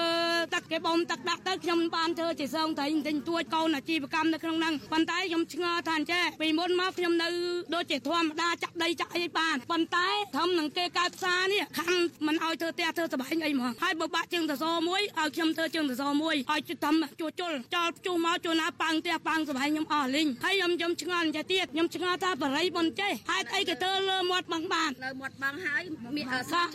វិសុវអសិស្រីមិនអាចតាក់ទងសុំការបំភ្លឺរឿងនេះពីអ្នកនាំពាក្យរដ្ឋាភិបាលលោកផៃស៊ីផានអភិបាលរងរាជធានីភ្នំពេញលោកសេងរតនានិងអភិបាលរងខណ្ឌព្រែកភ្នៅលោកខឹមសុផុងបាននោះទេនៅថ្ងៃទី24ខែមិថុនាដោយទូរស័ព្ទចូលជាច្រើនដងតែគ្មានអ្នកទទួលអ្នកនាំពាក្យសមាគមការពារសិទ្ធិមនុស្សអាត់ហុកលោកសង្សានករណាថ្លែងថាអាញាធរគួរតែពិនិត្យនិងដោះស្រាយទៅលើសំណើរបស់ពលរដ្ឋនៅក្នុងមូលដ្ឋាន ជាជាងអាញាធរមកបណ្ដេញពលរដ្ឋចេញពីលំនៅឋានទាំងបង្ខំ ពីព្រោះពលរដ្ឋរស់នៅលើដីធ្លីនេះតាំងពីមិនទាន់អភិវឌ្ឍលោកបន្តថាពួកគាត់បានកាន់កាប់មកតាំងពីយូរស្រាប់តែរដ្ឋាភិបាលបែរជាយកតំបន់នោះទៅអភិវឌ្ឍហើយគួរតែចរចាជាមួយពលរដ្ឋឲ្យបានត្រឹមត្រូវនិងមានតម្លាភាព។ ពលរដ្ឋក៏អាចទទួលយកបានហើយទាំងខាងអាជ្ញាធររកវិធីក្នុងការដោះស្រាយដោយកុំឲ្យមានការប៉ះពាល់ទៅដល់អ្វីដែលជាការចង់បានរបស់ពួកគាត់នឹងអញ្ចឹងគួរតែមានការសម្របសម្រួលយ៉ាងណារវាងអាជ្ញាធរហើយនិងប្រជាពលរដ្ឋនឹងកុំឲ្យពួកគាត់មានការប៉ះទង្គិចក៏ការបណ្ដេញចេញឬក៏ធ្វើឲ្យគាត់មានការលំបាកក្នុងជីវភាពដោយដែលគាត់ថាពិបាកក្នុងការរស់នៅឬក៏គាត់ចង់យ៉ាងណានឹងចង់ជជែកគ្នាឲ្យអស់លទ្ធភាពឬក៏រកដំណោះស្រាយអស់លទ្ធភាពអញ្ចឹងណាបាទផ្ទៃដីបឹងតមោកមានទំហំជាង3000ហិកតាបើតាមអនុក្រឹត្យដែលចុះកាលពីថ្ងៃទី3ខែកុម្ភៈឆ្នាំ2016ប៉ុន្តែបឹងនេះបានរួមតូចបន្តិចម្ដងបន្តិចម្ដងបន្ទាប់ពីរដ្ឋាភិបាលលោកហ៊ុនសែនសម្រេចកាត់ផ្ទៃបឹងនិងអនុញ្ញាតឲ្យចាក់ដីលុបអស់រាប់រយហិកតាក្រោមហេតុផលអភិវឌ្ឍគិតត្រឹមឆ្នាំ2018ដល់ឆ្នាំ2021ទំហំដីបឹងតមោកមានចំនួនជាង2000ហិកតាដែលរដ្ឋាភិបាលបានកាត់និងដកដូរទៅជាស្ថាប័នរដ្ឋ ក្រុមហ៊ុនឯកជននិងមនុស្សមួយក្រុមដែលពលរដ្ឋដឹងថាជាអ្នកមានលុយមានអំណាចដើម្បីឲ្យពួកគេកសាងអគារបុរីវីឡាខុនដូនិងធ្វើជាកម្មសិទ្ធិឯកជនជាដើមខ្ញុំបាទជាចំណាន Visual Assisray ពីរដ្ឋធានី Washington លោកនាងជាទីមេត្រីពាក់ព័ន្ធទៅនឹងបញ្ហានយោបាយវិញគណៈបកភ្លើងទៀនបានយល់ព្រមទទួលការកាត់សេចក្តីរបស់ស្ថាប័នបោះឆ្នោត លើបណ្ដឹងរបស់ខ្លួនជាង100ករណីតាក់ទងភាពមិនប្រក្រតីនៃការបោះឆ្នោតកន្លងទៅពីព្រោះតែគ្មានជំរឿមន្ត្រីកោជបអះអាងថាពេលនេះគ្រប់គណៈបកនយោបាយបានព្រមព្រៀងគោរពតាមសេចក្តីសម្រេចរបស់កោជបរួចហើយហើយកោជបនឹងប្រកាសលទ្ធផលបោះឆ្នោតជាផ្លូវការនៅថ្ងៃទី26ខែមិថុនាខាងមុខបាទលោកទីនសាការីយ៉ារាយការណ៍ព័ត៌មាននេះមន្ត្រីជាន់ខ្ពស់គណៈបកភ្លើងទៀនលើកឡើងថាទោះជាគណៈបកនេះព្យាយាមស្វែងរកយុត្តិធម៌ តាក់ទងនឹងភាពមិនប្រក្រតីនៃការបោះឆ្នោតឃុំសង្កាត់កន្លងទៅនេះក្តីក៏មិនទទួលបានយុត្តិធម៌នោះដែរមេដឹកនាំគណៈបកនេះអះអាងថាពួកគេសោកចិត្តយកពេលវេលារបស់ខ្លួនទៅពង្រឹងសមត្ថភាពបេក្ខជនជាប់ឆ្នោតជាង2000នាក់ដែលត្រៀមខ្លួនចូលបំពេញការងារនៅតាមមូលដ្ឋានបម្រើប្រជាពលរដ្ឋនៅពេលខាងមុខវិញប្រសើរជាងអនុប្រធាននឹងជាអ្នកនាំពាក្យគណៈបកភ្លើងទៀនលោកថាច់សិដ្ឋាប្រាប់វិទ្យុអាស៊ីសេរីថាក្នុងចំណោមបណ្ដឹងគណៈបកភ្លើងទៀនជាង100ករណី មានភ័ស្តុតាងគ្រប់គ្រាន់ប៉ុន្តែត្រូវបានគណៈកម្មការរៀបចំការបោះឆ្នោតឃុំដល់ខេត្តនិងគណៈកម្មាធិការរៀបចំការបោះឆ្នោតកោជបច្រានចោលជាបន្តបន្ទាប់នឹងបាត់ផ្លូវតាវ៉ាលោកថាពេលនេះគណៈបកភ្លើងទៀនមិនប្រឹងទាស់ទៅណាទៀតទេពីព្រោះគ្មានជំនឿថានឹងទទួលបានយុត្តិធម៌ឡើយអញ្ចឹងស្ងៀមស្ងាត់ទទួលបានលិខិតថាអឺ ខាងចម្រៃរបស់ខេត្តត្រឹមត្រូវតែប៉ុណ្្នឹងឯងវាទៅដល់ណាក៏វាតែប៉ុណ្្នឹងដែរវាគ្មានអីជាជំរឿសទេយើងឃើញស្រាប់ហើយក៏អីដែលខាងយើងបដិងហ្នឹងមិនសូវមានដំណោះស្រាយអីទេបើថាខាងគណៈបកប្រជាជនគាត់បដិងអាហ្នឹងវាដោះលឿនណាមើលទៅអីអីចឹងទៅដូច្នេះយើងឃើញថាវាទៅទៅដល់ឋានប្អិនណាក៏វានៅតែប៉ុណ្្នឹងដែរ គណៈបកភ្លើងទីនរកឃើញថាក្នុងព្រឹត្តិការណ៍បោះឆ្នោតថ្នាក់ក្រោមជាតិកន្លងទៅមានការគម្រិតកំហែងបំផិតបំភ័យលើសកម្មជនគណៈបកភ្លើងទៀនមេភូមិនិងមេឃុំមកពីគណៈបកកណ្ដាលអំណាចចាំកត់ឈ្មោះប្រជាពលរដ្ឋនៅតាមមណ្ឌលការិយាល័យបោះឆ្នោតនិងករណីមន្ត្រីរៀបចំការបោះឆ្នោតបិទទ្វាររាប់ស្លឹកឆ្នោតជាដើមតើតើនៅរឿងនេះអ្នកនាំពាក្យគណៈកម្មាធិការជាតិរៀបចំការបោះឆ្នោតកោជបលហុងពធាឲ្យដឹងថាកោជប បានដោះស្រាយបណ្ដឹងគណៈបកនយោបាយចំនួន33បណ្ដឹងជុំវិញនឹងភាពមិនប្រក្រតីនៃការបោះឆ្នោតលោកថាក្នុងនោះបណ្ដឹងភាគច្រើនជាបណ្ដឹងរបស់គណៈបកភ្លើងទៀនលោកអះអាងទៀតថាក្រោយពីស៊ើបអង្កេតគូជបបានដោះស្រាយដោយផ្អែកលើអង្គហេតុនិងអង្គច្បាប់ត្រឹមត្រូវលោកហងពធាបញ្ជាក់ថាគូជបបានដោះស្រាយបណ្ដឹងរបស់គណៈបកនយោបាយកាលពីថ្ងៃទី20មិថុនាកន្លងទៅរួចរាល់អស់ហើយដែលជាការបាត់ផ្លូវតវ៉ា ពាក្យមិនដឹងដែលជាច្រើនសរសេរថាណាសន្និដ្ឋានថាសង្ស័យថាមានការគិតកំហែងសង្ស័យថាមានការចេះអញ្ចឹងណាអញ្ចឹងมันมันមានភាពច្បាស់លាស់ទេដែលសម័យខ្លួនក្នុងការចោតប្រកាន់គេអញ្ចឹងបន្ទាប់ពីធ្វើការស្រាវជ្រាវទៅនៅពេលដែលរកទៅឃើញថាมันមានអំពើទុច្ចរិតឬក៏ធ្វើឲ្យប៉ះពាល់ដល់អ្នកបោះឆ្នោតទេកោជបក៏សម្រេចទៅតាមនឹងបាទចំពោះការរិះគន់របស់គណៈបកភ្លើងទៀនវិញ ដែលថាស្ថាប័នរៀបចំការបោះឆ្នោតច្រានចោលបណ្ដឹងរបស់គណៈបកភ្លើងទៀនជាបន្តបន្ទាប់នោះលោកហុងពធាឆ្លើយតបថាមិនមែនគ្រប់បណ្ដឹងរបស់គណៈបកភ្លើងទៀនសុទ្ធតែត្រូវបានកោជបច្រានចោលទាំងអស់នោះទេជាក់ស្ដែងករណីសកម្មជនគណៈបកភ្លើងទៀនលោកគង់រាយាត្រូវបានកោជបច្រានចោលការសម្រេចរបស់គណៈកម្មការរៀបចំការបោះឆ្នោតខេត្តកំពង់ចាមទោះជាយ៉ាងណានាយកប្រតិបត្តិអង្គការឃ្លាំមើលការបោះឆ្នោតនៅកម្ពុជាហៅកាត់ថា Netflix លោកសំគុណធីមីសង្កេតឃើញថា ការដោះស្រាយបណ្ដឹងរបស់កោជបភាកច្រើនជាសាវនាការអសាធារណៈដែលធ្វើឲ្យអង្គការសង្គមស៊ីវិលមិនអាចចូលឃ្លាំមើលបានមន្ត្រីឃ្លាំមើលការបោះឆ្នោតរំនេះយល់ថាដើម្បីឲ្យគ្រប់ភាគីជឿជាក់លើការដោះស្រាយរបស់កោជបកោជបគួរតែចូលលើគោលការណ៍ឯករាជ្យច្បាប់តម្លាភាព និងអនុញ្ញាតឲ្យគ្រប់ភាគីពាក់ព័ន្ធអាចចូលរួមឃ្លាំមើលបានចង់និយាយថាធ្វើឲ្យតម្លាភាព បើជានីតិវិធីហ្នឹងផ្អែកទៅលើច្បាប់ហ្នឹងណាបាទកុំផ្អែកទៅលើនិន្នាការទាំងអស់យើងយកច្បាប់ជាគោលព្រោះស្ថាប័នគយបជាស្ថាប័នមួយរៀបចំចាត់ផ្សាយការបោះឆ្នោតក្រៅពីគណៈបកភ្លើងទៀនរកឃើញភាពមិនប្រក្រតីនៃការបោះឆ្នោតនេះដែរក្រុមអង្គការសង្គមស៊ីវិលចំនួន5ស្ថាប័នរកឃើញដែរថាការបោះឆ្នោតជ្រើសរើសសមាជិកក្រុមប្រឹក្សាឃុំសង្កាត់អាណត្តិទី5នេះកើតមានបញ្ហាជាច្រើនដែលបង្កឡើងដោយអាជ្ញាធរមូលដ្ឋាន និងកងកម្លាំងប្រដាប់អាវុធ របាយការណ៍របស់អង្គការសង្គមស៊ីវិលចុះផ្សាយកាលពីថ្ងៃទី7មិថុនាឲ្យដឹងថាអាជ្ញាធរមូលដ្ឋាន មានមេភូមិមេឃុំមន្ត្រីនគរបាល មានវត្តមាននៅក្នុងបរិវេណការិយាល័យបោះឆ្នោតរងចាំកត់ឈ្មោះអ្នកបោះឆ្នោតក្រៅពីនេះដំណើរការនៃការរាប់ស្លឹកឆ្នោតគឺធ្វើឡើងដោយបាត់បង់ខ្វះតម្លាភាពដោយការិយាល័យរៀបចំការបោះឆ្នោតខ្លះបិទទ្វារបិទបង្អួចនិងមានការរារាំងបរដ្ឋមិនឲ្យតាមដាននៃការរាប់ស្លឹកឆ្នោតជាដើម។ ទោះជាណាក៏ចបហាក់មិនអើពើចំពោះការរកឃើញនោះឡើយក្នុងនោះសកម្មជនរបស់គណៈបកភ្លើងទៀនម្នាក់លោកលីសុខុននៅខេត្តបាត់ដំបងត្រូវបានជាប់បណ្ដឹងនៅតុលាការពាក់ព័ន្ធនឹងការថតវីដេអូក្រុមអាជ្ញាធរមូលដ្ឋានមួយក្រុមដែលគាំទ្រគណៈបកកណ្ដាលអំណាចអង្គុយចាំកត់ឈ្មោះបរិវត្តរបស់ឆ្នោតចំណែកឯអនុប្រធានគណៈបកភ្លើងទៀនមួយរូបទៀតគឺលោកសុនឆៃក៏ត្រូវបានគណៈបកប្រជាជនកម្ពុជានិងកោជបប្តឹងលោកទៅតុលាការ តាក់ទងនឹងការរិះគន់ការបោះឆ្នោតនេះដែរខ្ញុំទីនសាការីយ៉ាអស៊ីសេរីប្រធានីវ៉ាស៊ីនតោនអាស៊ីសេរីលោកអ្នកនាងកំពុងស្ដាប់ការផ្សាយរបស់ Vuthu Azizi Serai ពីរដ្ឋធានី Washington សហរដ្ឋអាមេរិកអ្នកជំនាញផ្នែកច្បាប់និងសិទ្ធិមនុស្សលើកឡើងស្របគ្នាថា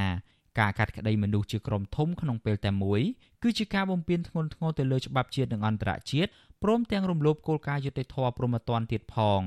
ជាងនេះទៅទៀតពួកគាត់ថាទង្វើបែបនេះ អាចធ្វើឲ្យប្រជាពលរដ្ឋបាត់បង់ជំនឿលើប្រព័ន្ធតុលាការតើការកាត់ក្តីមនុស្សជាក្រុមធំ បំពានច្បាប់ និងគោលការណ៍អ្វីខ្លះបាទលោកអ្នកនាងនឹងបានស្ដាប់សេចក្តីរាយការណ៍ព័ត៌មាននេះនៅពេលបន្តិចទៀតនេះ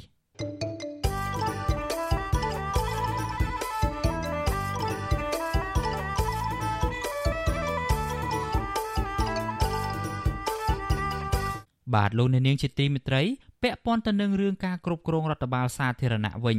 សង្គមស៊ីវិលរិះគន់ថាការបង្កើនចំនួនគណៈអភិបាលរាជធានីខេត្តក្រុងស្រុកខណ្ឌនៅទូទាំងប្រទេសគឺជាមធ្យោបាយរកមកតំណែងឲ្យមន្ត្រីគណៈបកកណ្ដាលអំណាចនិងជាការចំណាយថវិកាជាតិដោយខ្ជះខ្ជាយ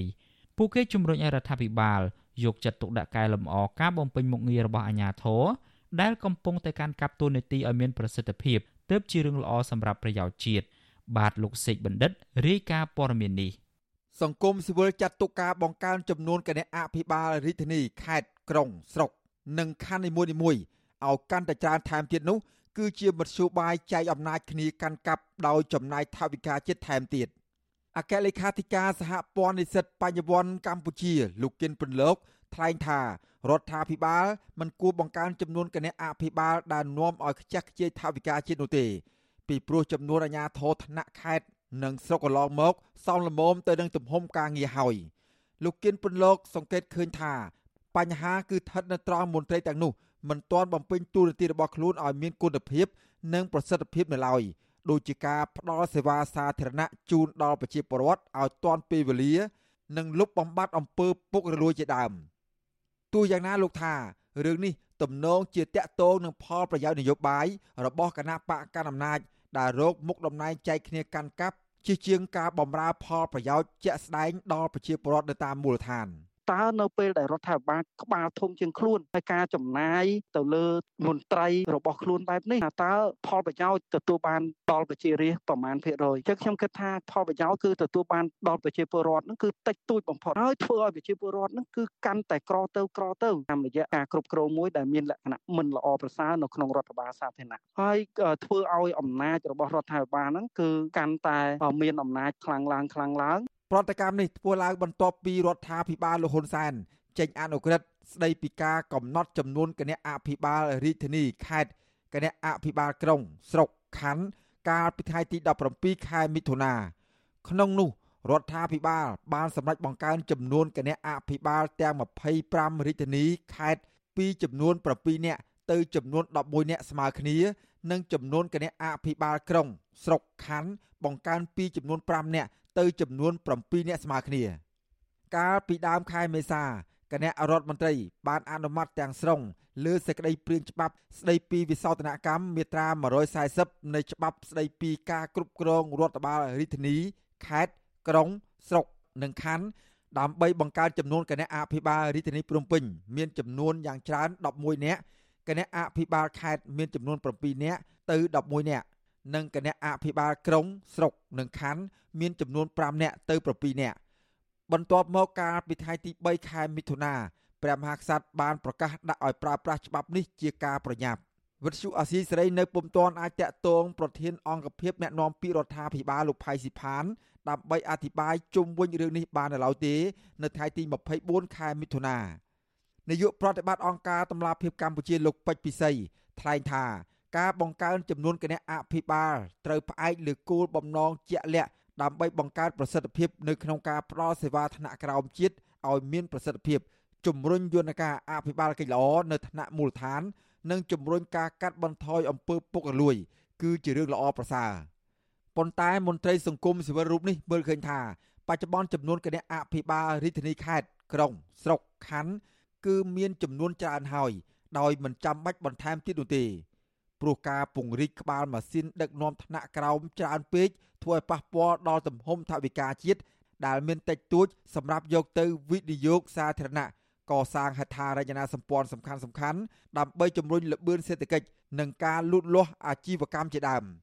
លោកពេជ្រពិសីបញ្ជាក់ថាករណីនេះរដ្ឋាភិបាលគ្រាន់តែពង្រឹងយន្តការអនុវត្ត ទូនីតិតាមបែបប្រជាធិបតេយ្យដែលមានស្រាប់ជាពិសេសការសម្រេចចិត្តដោយផ្ដល់ប្រយោជន៍ពលរដ្ឋនិងសាធារណៈឡងមកយើងដឹងហើយថាយើងមានគណៈអភិបាលច្រើនរួចទៅហើយខ្ញុំគិតថាគ្រប់គ្រាន់នៅក្នុងការដឹកនាំប៉ុន្តែរឿងសំខាន់សួរថាតើយន្តការនៃការធានានៅការសម្រេចចិត្តរបស់គណៈអភិបាល តាមបែបលទ្ធិជាបតៃហ្នឹងមានបណ្ណាបាទព្រោះគណៈអភិបាលគាត់មានសិទ្ធិធំនៅក្នុងការរៀបចំយុទ្ធសាស្ត្រខេត្តការដឹកនាំអនុវត្តកម្មវិធីរបស់ខេត្តផ្សេងៗកន្លងមកដូចជា មានការចែងទូនាទីនិងសិទ្ធិអំណាចជាក់លាក់ប៉ុន្តែការអនុវត្តនៅមានកម្រិតស្រដៀងគ្នានេះដែរប្រធានអង្គការសម្ព័ន្ធគណនេយ្យភាពសង្គមកម្ពុជា លោកសនជ័យលើកឡើងថាករណីនេះលោកមើលឃើញនៅទស្សនវិជ្ជា2គឺទី1ផ្នែកអភិបាលកិច្ច ដើម្បីជួយអន្តរាគមន៍ជូនដល់ប្រជាពលរដ្ឋបន្ថែមទៀតប៉ុន្តែចំណុចនេះលោកថារដ្ឋាភិបាលគួរសម្រេចផ្អែកទៅលើប្រជាសាស្ត្រនិងតម្រូវការជាក់ស្ដែងនៅតាមរាជធានីខេត្តនីមួយៗដោយមិនត្រូវកំណត់ចំនួនច្រើនបែបនេះទេចំណែកទស្សនវិជ្ជានយោបាយវិញលោកមើលឃើញថាសេចក្តីសម្រេចរបស់រដ្ឋាភិបាលជៀសមិនផុតពីការរិះគន់នោះទេព្រោះកន្លងទៅ មន្ត្រីទាំងនោះមិនទាន់ចែកដាច់រវាងការងារគណៈបកនិងមុខងារសាធារណៈ ដែលធ្វើឲ្យការបំពេញការងារមានភាពមិនត្រឹមត្រូវនិងខ្វះចន្លោះខេត្តណាដែលមានប្រជាពលរដ្ឋច្រើនការបង្កើនចំនួនអាសនៈគណៈអភិបាលហ្នឹងគឺមិនអីទេប៉ុន្តែខេត្តណាដែលមានប្រជាពលរដ្ឋតិចហើយជាខេត្តដែលមានរដ្ឋបាលកំសើស្មុកស្មាញគឺចំនួនគួរតែមានការកំណត់ទៅតាមតម្រូវការនិងភាពជាក់ស្ដែងដែរមិនមែនចេះតែកំណត់ចំនួនទៅច្រើននោះទេកន្លងមកមន្ត្រីសង្គមស៊ីវិលមើលឃើញថា ប្រសិទ្ធភាពការងារដឹកនាំរដ្ឋពីថ្នាក់ជាតិរហូតដល់ថ្នាក់ក្រោមជាតិមិនអាស្រ័យលើបរិមាណនោះទេតែត្រូវយកចិត្តទុកដាក់ពិនិត្យលើគុណភាពដោយមិនត្រូវបង្កើនទូរទីនិងមុខតំណែងច្រើនរកកន្លែងអង្គុយគ្មាននោះទេប៉ុន្តែត្រូវការអនុវត្តស្របតាមមូលដ្ឋានគ្រឹះនៃលទ្ធិប្រជាធិបតេយ្យនិងបម្រើដល់ផលប្រយោជន៍ប្រជាពលរដ្ឋនិងសង្គមផ្ទុយទៅវិញរដ្ឋាភិបាលលោកហ៊ុនសែនតែងតែរងការរិះគន់ពីការធ្វើច្បាប់ជាបន្ទាន់និងប្រញាប់ ដើម្បីឆ្លើយតបទៅនឹងការចង់បាន ក្នុងការបន្តក្រាញអំណាច ជាពិសេសដើម្បីបែងចែកអំណាចនិងទូរនទីទៅដល់មន្ត្រី និងបកពួករបស់គណៈបកកណ្ដាលអំណាចតែប៉ុណ្ណោះខ្ញុំបាទសេកបណ្ឌិតវិទ្យុអាស៊ីសេរីពីរដ្ឋធានីវ៉ាស៊ីនតោន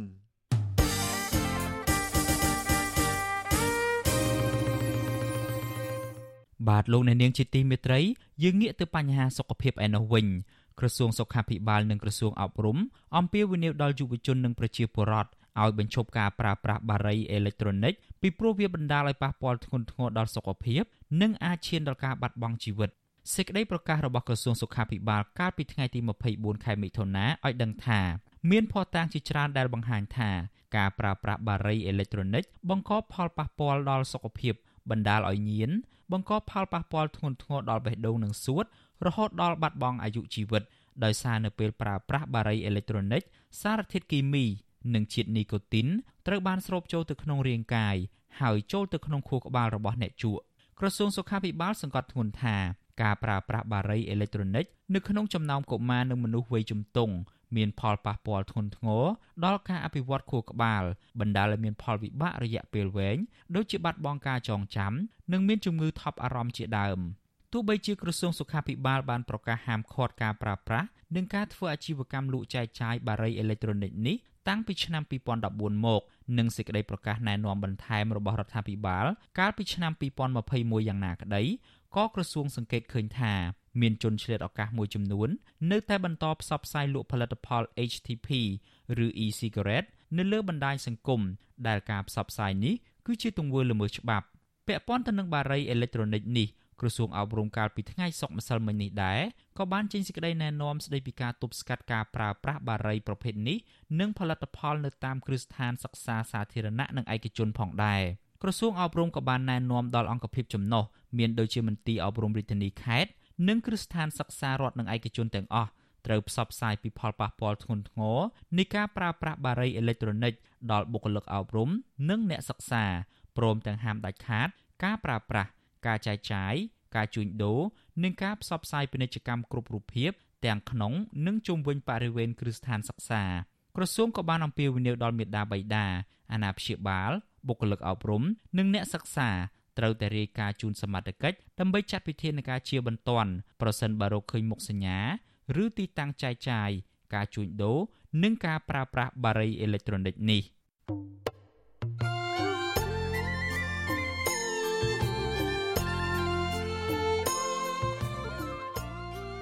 លោកអ្នកនាងជាទីមេត្រី នៅក្នុងឱកាសនេះដែរខ្ញុំបាទសូមថ្លែងអំណរគុណដល់លោកអ្នកនាងកញ្ញាទាំងអស់ដែលតែងតែមានភក្ដីភាពចំពោះការផ្សាយរបស់យើងហើយចាត់ទុកការស្ដាប់វិទ្យុអាស៊ីសេរីជាផ្នែកមួយនៃសកម្មភាពប្រចាំថ្ងៃរបស់លោកអ្នកនាងគឺការគ្រប់គ្រងរបស់លោកអ្នកនាងនេះហើយដែលធ្វើឲ្យយើងខ្ញុំមានទឹកចិត្តកាន់តែខ្លាំងថែមទៀតនៅក្នុងការស្វែងរកនិងផ្តល់ព័ត៌មានជូនលោកអ្នកនាង មានអ្នកស្ដាប់អ្នកទស្សនាកាន់តែច្រើន កាន់តែធ្វើឲ្យយើងខ្ញុំមានភាពស្វាហាប់មោះមុតជាបន្តទៅទៀតយើងខ្ញុំសូមអរគុណទុកជាមុនហើយសូមអញ្ជើញលោកអ្នកនាងកញ្ញាចូលរួមជំរុញឲ្យសកម្មភាពផ្តល់ព័ត៌មានរបស់យើងនេះឲ្យកាន់តែជោគជ័យបន្ថែមទៀតលោកអ្នកនាងអាចជួយយើងខ្ញុំបានដោយគ្រាន់តែចុចចែករំលែកឬ Share ការផ្សាយរបស់យើងនៅលើបណ្ដាញសង្គម Facebook និង YouTube ទៅកាន់មិត្តភ័ក្តិដើម្បីឲ្យការផ្សាយរបស់យើងបានទៅដល់មនុស្សកាន់តែច្រើន បាទសូមអរគុណ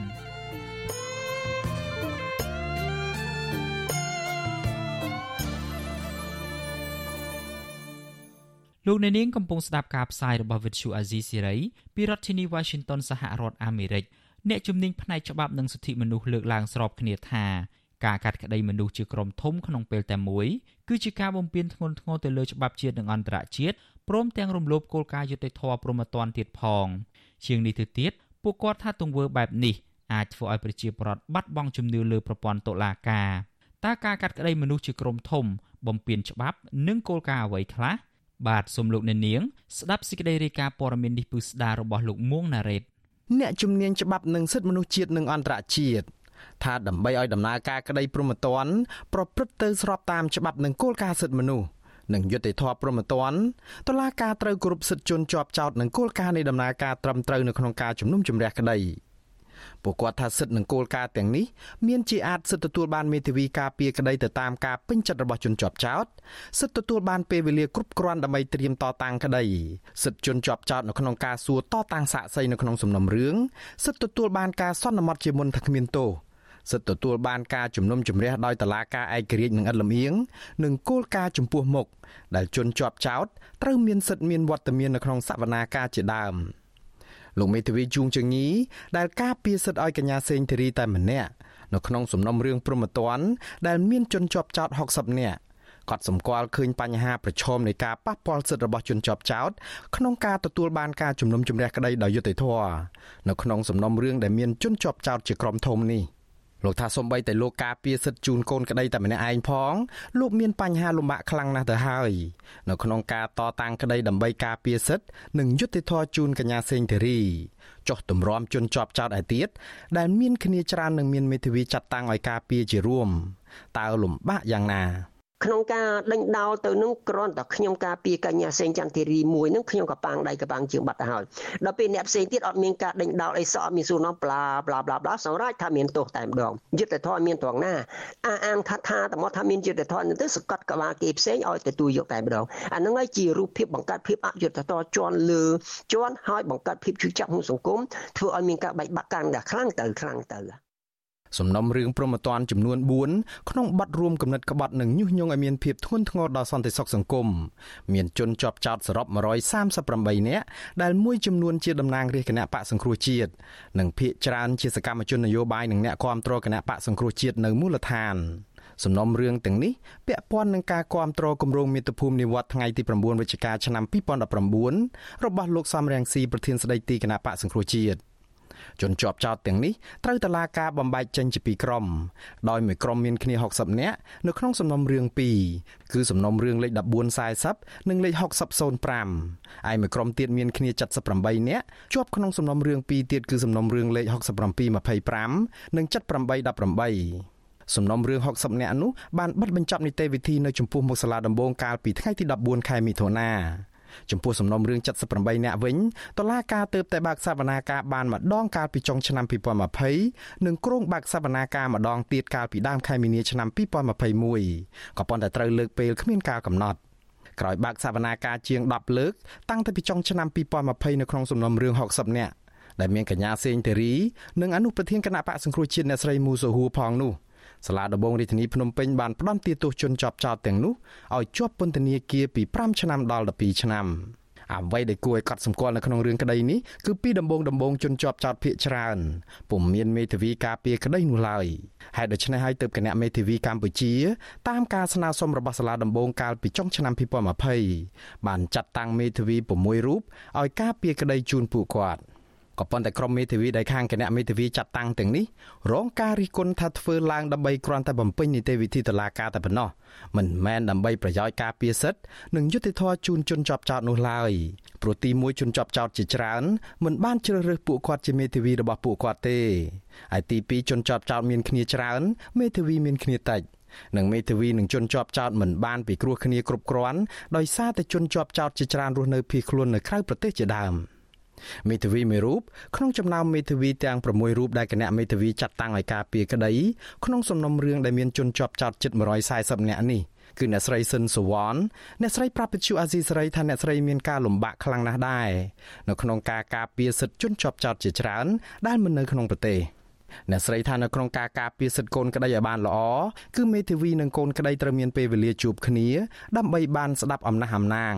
ហេតុផលនិងសំណូមពររបស់កូនក្តីជាដើម ក្នុងករណីបែបនេះអ្នកស្រីថាអ្នកស្រីគ្មានជំរឿសអ្វីក្រៅតែពីឡើងការពីក្តីជំនួសកូនក្តីជាច្រើនទាំងមិនបានពិគ្រោះគ្នានេះដូច្នេះអ្នកស្រីមិនជឿថាការសម្រេចសេចក្តីរបស់តុលាការនៅក្នុងរឿងនេះមានភាពយុត្តិធម៌នោះទេតាមជំនិតរបស់ខ្ញុំខ្ញុំយល់ឃើញថាការសម្រេចសេចក្តីដោយថាវាមិនសូវមានភាពត្រឹមត្រូវហ្មងទេព្រោះថាអត់មានវត្តមានរបស់ជនជាប់ចោតអញ្ចឹងណានឹងអត់មានកំណត់ហេតុរបស់ជនជាប់ចោតអញ្ចឹងហើយការសម្រេចសេចក្តីគឺតុលាការសម្អាងតែទៅលើ អាព័ត៌មាននៅក្នុង Facebook អីចឹងហើយនឹងព័ត៌មានផ្សាយពីគ្នាអីចឹងណាមន្ត្រីឃ្លាំមើលសិទ្ធិមនុស្សឯណោះវិញលោកយល់ថាការកាត់ក្តីដែលមានជនជាប់ចោតច្រើនគ្នានឹងត្រូវកាត់ក្តីរួមគ្នាក្នុងពេលតែមួយបែបនេះធ្វើឲ្យតុលាការមិនមានពេលគ្រប់គ្រាន់ដើម្បីសួរដេញដោលជនជាប់ចោតនិងសាកសីឲ្យបានគ្រប់ជ្រុងជ្រោយនោះឡើយនាយកប្រតិបត្តិអង្គការសម្ព័ន្ធភាពការពារសិទ្ធិមនុស្សឬហៅកាត់ថាច្រាក់ លោករស់សុថាដែលបានចូលទៅតាមដានផ្ទាល់នៅក្នុងបន្ទប់សវនាការថាសំណុំរឿងព្រំប្រទានទាំងនេះមានចរិតនយោបាយដែលជន់ជាប់ចោតហាក់ដូចជាត្រូវបានគេសន្មត់ទុកជាមុនថាមានពិរុទ្ធរួចទៅហើយលោកថាសំណួរភាកច្រើន ដែលតឡាការសួរជន់ជាប់ចោតគឺជាសំណួរដាក់បន្ទុកឲ្យមានទោសជាជាងសំណួរដោះបន្ទុកឲ្យរួចទោស មកទៅតឡាការហាក់បីដូចជាសួរនាំនឹងច្រើនការចោតស្ដាប់ទៅនឹងឬអត់មានឃើញសួរសំណួរណាមួយដែលពាក់ព័ន្ធថាឥឡូវបើគេចោតប្រកាន់អញ្ចឹងតើលោកយល់ឃើញថាម៉េចហើយលោកមានស្អីដែលជាពោះតាងដើម្បីបញ្ជាក់ថាលោកគ្មានទោសទេតាមការចោតប្រកាន់ហើយវាអត់មានឃើញសំណួរអញ្ចឹងណាពេលខ្លះសួរនឹងគឺសួរជន់ទៅលើសិទ្ធិសេរីភាពក្នុងការគ្រប់គ្រងនយោបាយទេណាវាអត់មានឃើញការលើកកម្ពស់សិទ្ធិឃើញតែសំណួរដែលពាក់ព័ន្ធនឹងទោសកំហុសណា មន្ត្រីឃ្លាំមើលសិទ្ធិមនុស្សអន្តរជាតិឯណោះទៅវិញពួកគាត់មើលឃើញអំពីបញ្ហារំលោភសិទ្ធិមនុស្សនិងបំពានគោលការណ៍ជំនុំជម្រះក្តីដោយយុត្តិធម៌នេះតាំងតែពីដំបូងទីមកម្លេះអតីតនារីការពិសេសរបស់អង្គការសហប្រជាជាតិទទួលបន្ទុកសិទ្ធិមនុស្សប្រចាំនៅកម្ពុជាអ្នកស្រី Rona Smith ធ្លាប់លើកឡើងថាការជំនុំជម្រះក្តីមន្ត្រីនិងសកម្មជនគណៈបកសង្គ្រោះជាតិធ្វើជុំគ្នាជាក្រុមធំបែបនេះ គឺមានចរិតនយោបាយដែរហើយខ្វះមូលដ្ឋានច្បាប់និងរំលោភបំពានធ្ងន់ធ្ងរដល់សិទ្ធិទទួលបានការជំនុំជម្រះក្តីត្រឹមត្រូវដែលមានចែងនៅក្នុងច្បាប់អន្តរជាតិអ្នកស្រីថាជនគ្រប់រូបត្រូវមានសិទ្ធិទទួលបានពេលវេលានិងមធ្យោបាយគ្រប់គ្រាន់ដើម្បីត្រៀមរៀបចំការពីក្តីរបស់ខ្លួនអ្នកស្រីបន្ថែមទៀតថាដោយសារតែជនជាប់ចោតមួយចំនួនរស់នៅក្រៅប្រទេសពួកគេច្បាស់ជាបាត់បង់ឱកាសនៅក្នុងការការពារក្តីនេះ។ អ្នករាយការណ៍ពិសេសមួយរូបទៀតដែលបន្តវេនពីអ្នកស្រី Rona Smith គឺលោកវិទិតមុនតាបនក៏ចាត់ទុកការជំនុំជម្រះក្តីជាក្រុមធំនេះថាមានបញ្ហាដែរពេលរាយការណ៍ជូនក្រុមប្រឹក្សាសិទ្ធិមនុស្សនៃអង្គការសហប្រជាជាតិកាលពីចុងខែមីនាឆ្នាំ2022លោកវិទិតមុនតាបនថាការកាត់ក្តីមនុស្សច្រើននៅក្នុងពេលតែមួយនិងការឃុំខ្លួនសកម្មជននយោបាយទាំងនោះគឺជាការបំពានគោលការណ៍សិទ្ធិមនុស្សអន្តរជាតិជាមូលដ្ឋាន។ នាយករងទទួលបន្ទុកកិច្ចការតំបន់អាស៊ីរបស់អង្គការឃ្លាំមើលសិទ្ធិមនុស្សអន្តរជាតិ Human Rights Watch លោក Phil Robertson ឯណោះវិញលោកថាការជំនុំជម្រះក្តីជនជាប់ចោតជាទ្រង់ទ្រាយធំបែបនេះគឺជាចេតនានៅក្នុងការតាមបោះសម្អាតសកម្មជនបពប្រឆាំងលោកថាចំណាត់ការបែបនេះធ្វើឲ្យខូចកិត្តិយសទាំងរដ្ឋាភិបាលនិងប្រព័ន្ធតុលាការកម្ពុជា បើទោះបីជាយ៉ាងនេះក្តីអ្នកច្បាប់ដែលធ្លាប់ការពារក្តីកម្រិតអន្តរជាតិឯណោះវិញលោកថាការកាត់ក្តីដែលមានភាគីនៅក្នុងរឿងក្តីច្រើននិងមានមេធាវីតំណាងជារួមបែបនេះមិនមែនជារឿងមិនធ្លាប់កើតមាននោះឡើយលោកមេធាវីហុងកំសួនដែលជាអតីតសមាជិកនៃក្រុមប្រឹក្សាគណៈមេធាវីកម្ពុជានិងធ្លាប់ធ្វើជាតំណាងឲ្យដើមម្ដងរដ្ឋប្រវេណីច្រើនគ្នានៅឯសាលាក្តីខ្មែរក្រហមថាដរាបណាកូនក្តីយល់ព្រមមានមេធាវីរួមគ្នានោះមិនជាបញ្ហាអ្វីនោះទេ អញ្ចឹងបើសិនជាខាងកូនក្តីនោះទោះម្នាក់ពីរនាក់ឬច្រើនអ្នកក៏ដោយគេព្រមទទួលយកមេធាវីតែម្នាក់ឲ្យគេការពារឲ្យខ្លួនហ្នឹងវាអត់ខុសទេបើប្រៀបធៀបទៅនឹងសាលាក្តីខ្មែរក្រហមដូចខ្ញុំធ្លាប់នៅខាងនឹងដែរណាយើងមេធាវីមានតែប្រហែលជាង10នាក់ឲ្យដើមមិនដឹងជនគ្រូវាឡើងជាងរាប់ពាន់រាប់ម៉ឺននាក់ណាដូចគ្នានេះដែរអតីតសមាជិកក្រុមប្រឹក្សាគណៈមេធាវីកម្ពុជាមួយរូបទៀត លោកយល់ថារឿងមេធាវីតំណាងនេះគឺអាស្រ័យទៅលើជនជាប់ចោតដែលជាកូនក្តីខ្លួនឯងមេធាវីចូលនិវត្តន៍លោកកុយនាម ថាបើមេធាវីមិនធ្វើការពេញដៃពេញជើង កូនក្តីអាចសុំដូរបានលោកថាតឡាការបានបំពេញកិច្ចការរបស់ខ្លួនរួចទៅហើយក្នុងរឿងចាត់តាំងឲ្យមានមេធាវីដែលឥតគិតថ្លៃដើម្បីការពារសិទ្ធិឲ្យជនជាប់ចោតក៏ប៉ុន្តែលោកហុងកំសួនថាការដែលមេធាវីម្នាក់ការពារកូនក្តីច្រើនគ្នាបែបនេះ គឺសមស្របតែក្នុងករណីដែលការការពារក្តីឲ្យដើមបណ្ដឹងរដ្ឋបវេនីដែលជាភាគីប្តឹងទាមទារសំណងរដ្ឋបវេនីប៉ុណ្ណោះលោកថានៅក្នុងករណីដែលជនជាប់ចោតមានគ្នាច្រើនខ្លះនៅក្រៅប្រទេសនឹងមានមេធាវីតំណាងរួមបែបនេះកិច្ចដំណើរការនីតិវិធីអាចមានបញ្ហារឿងប្រសិទ្ធភាពនៅក្នុងការការពារក្តីព្រោះមេធាវីមិនបានបំពេញការងារឲ្យបានគ្រប់ជ្រុងជ្រោយដើម្បីប្រយោជន៍ជនជាប់ចោតហើយបើគ្រាន់តែថាការពារជាលំលំប្រគ្រប់កិច្ចទេអានឹងវាគ្មានភាព យើងមិនប្រើពាក្យថាយុទ្ធធម៌មិនមានតម្លាភាពទេក្រៅតែពីបញ្ហាតម្លាភាពនិងបញ្ហាជនជាប់ចោតគ្នាច្រើន តែមានមេធាវីតំណាងរួមបែបនេះជនជាប់ចោតជាច្រើនទៀតដែលកំពុងតែរស់នៅនិរទេសខ្លួនក្រៅប្រទេសខកចិត្តនឹងតឡាការដែលបន្តបើកសវនាការដោយពុំមានវត្តមានរបស់ពួកគាត់ពួកគាត់ចាត់ទុកទង្វើបែបនេះថាជាការរំលោភបំពានយ៉ាងធ្ងន់ធ្ងរដល់សិទ្ធិទទួលបានសវនាការចំពោះមុខ អនុប្រធានគណៈបកសង្គ្រោះជាតិអ្នកស្រីមូសុកហួរដែលស្ថិតនៅក្នុងចំណោមតំណាងរាជគណៈបកសង្គ្រោះជាតិជាច្រើនរូបដែលជាប់ទោសច្រើនឆ្នាំត្រូវតឡាការកាត់ទោសឲ្យជាប់ពន្ធនាគារ22ឆ្នាំកាលពីខែមីនាឆ្នាំ2021ក្នុងបទចោទឧបឃាត និងកាត់ទោសឲ្យជាប់ពន្ធនាគារ8ឆ្នាំទៀតកាលក្នុងសាលក្រមថ្ងៃទី14ខែមិថុនាឆ្នាំ2022ពីបទញុះញង់និងរួមគំនិតក្បត់ ក៏ប៉ុន្តែអ្នកស្រីនឹងតំណាងរាជគណៈបកសង្គ្រោះជាតិឯទៀតរួមមានលោកសំរៀងស៊ីលោកអេងឆៃអៀងនិងលោកឡុងរីជាដើមផងត្រូវតឡាការកាត់ទោសដោយពួកគាត់មិនមានឱកាសចូលតតាំងក្តីនៅក្នុងតឡាការសូម្បីតែម្ដងនោះឡើយព្រោះរដ្ឋាភិបាលលោកហ៊ុនសែនបានរៀបរៀងពួកគាត់មិនឲ្យចូលស្រុកដើម្បីតតាំងក្តីទាំងនេះអ្នកស្រីមូសុកហួរចាត់ទុកការកាត់ក្តីបែបនេះគឺមិនខុសអ្វីពីការអនុវត្តនៅក្នុងរបបខ្មែរក្រហមនោះឡើយជាការសាហាវមែនទែនគឺការ ចោតប្រកាន់កាត់ទោសទាំងក្រុមធំទៅឲ្យយើងគិតរំលឹកដល់សម័យប៉ុលពតគេយកម្ដងគេចាត់យកម្នាក់ឯងគេយកទាំងវងទាំងវងទាំងពូជទាំងពូជយើងអត់ចង់ត្រឡប់ទៅសម័យប៉ុលពតវិញទេប្រទេសកម្ពុជាយើង កំពុងតែមានគ្រោះថ្នាក់ធ្ងន់ណាស់វត្តជូអាស៊ីសេរីមិនទាន់អាចសុំការបំភ្លឺជាមួយរឿងនេះ ពីអ្នកនាំពាក្យសាលាដំបងរាជធានីភ្នំពេញលោកអ៊ីរ៉ានបាននៅឡើយទេព្រោះទូរស័ព្ទចូលច្រើនដងនិងច្រើនថ្ងៃតែលោកមិនលើកទូរស័ព្ទក៏ប៉ុន្តែអ្នកនាំពាក្យគណៈកម្មាធិការសិទ្ធិមនុស្សរបស់រដ្ឋាភិបាលលោកកតាអូនធ្លាប់អះអាងថានៅកម្ពុជាពុំមានការរំលោភសិទ្ធិមនុស្សនោះទេលោកថាអ្នកណាថាកម្ពុជាមានការរំលោភសិទ្ធិមនុស្សអ្នកនោះចោទប្រកាន់នឹងលៀបពណ៌មកលើប្រទេសជាតិខ្លួនឯងជាការ សន្និដ្ឋានជាការវិតម្លៃនិងការចុះប្រកាន់ដោយគ្មានមូលដ្ឋានត្រឹមត្រូវតលសោះដោយគ្មានភាពពិតតលសោះបើទោះបីជាយ៉ាងនេះក្តីមន្ត្រីឃ្លាំមើលសិទ្ធិមនុស្សថាភាពពិតនោះគឺកម្ពុជារងការរិះគន់និងថ្កោលទោសជំទឺដោយសារតែការរំលោភសិទ្ធិមនុស្សនិងបំផ្លាញប្រជាធិបតេយ្យធ្ងន់ធ្ងរប្រព័ន្ធយុតិធធម៌ព្រហ្មទណ្ឌកម្ពុជា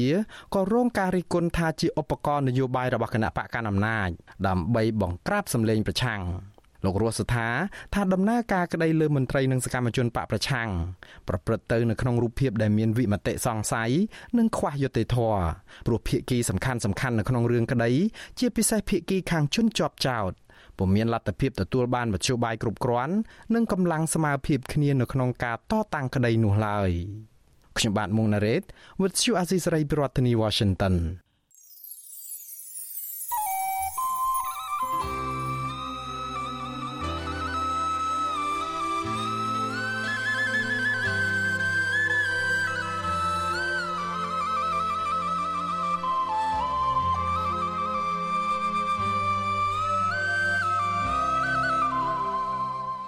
លោកអ្នកនាងជាទីមេត្រីការផ្សាយរយៈពេល1ម៉ោងរបស់វិទ្យុអាស៊ីសេរីនៅព្រឹកនេះចប់ត្រឹមតែប៉ុណ្ណេះយើងខ្ញុំសូមជូនពរដល់លោកអ្នកនាងព្រមទាំងក្រុមគ្រួសារទាំងអស់ឲ្យជួបប្រកបតែនឹងសេចក្តីសុខចម្រើនរុងរឿងកុំបីឃ្លៀងឃ្លាតឡើយ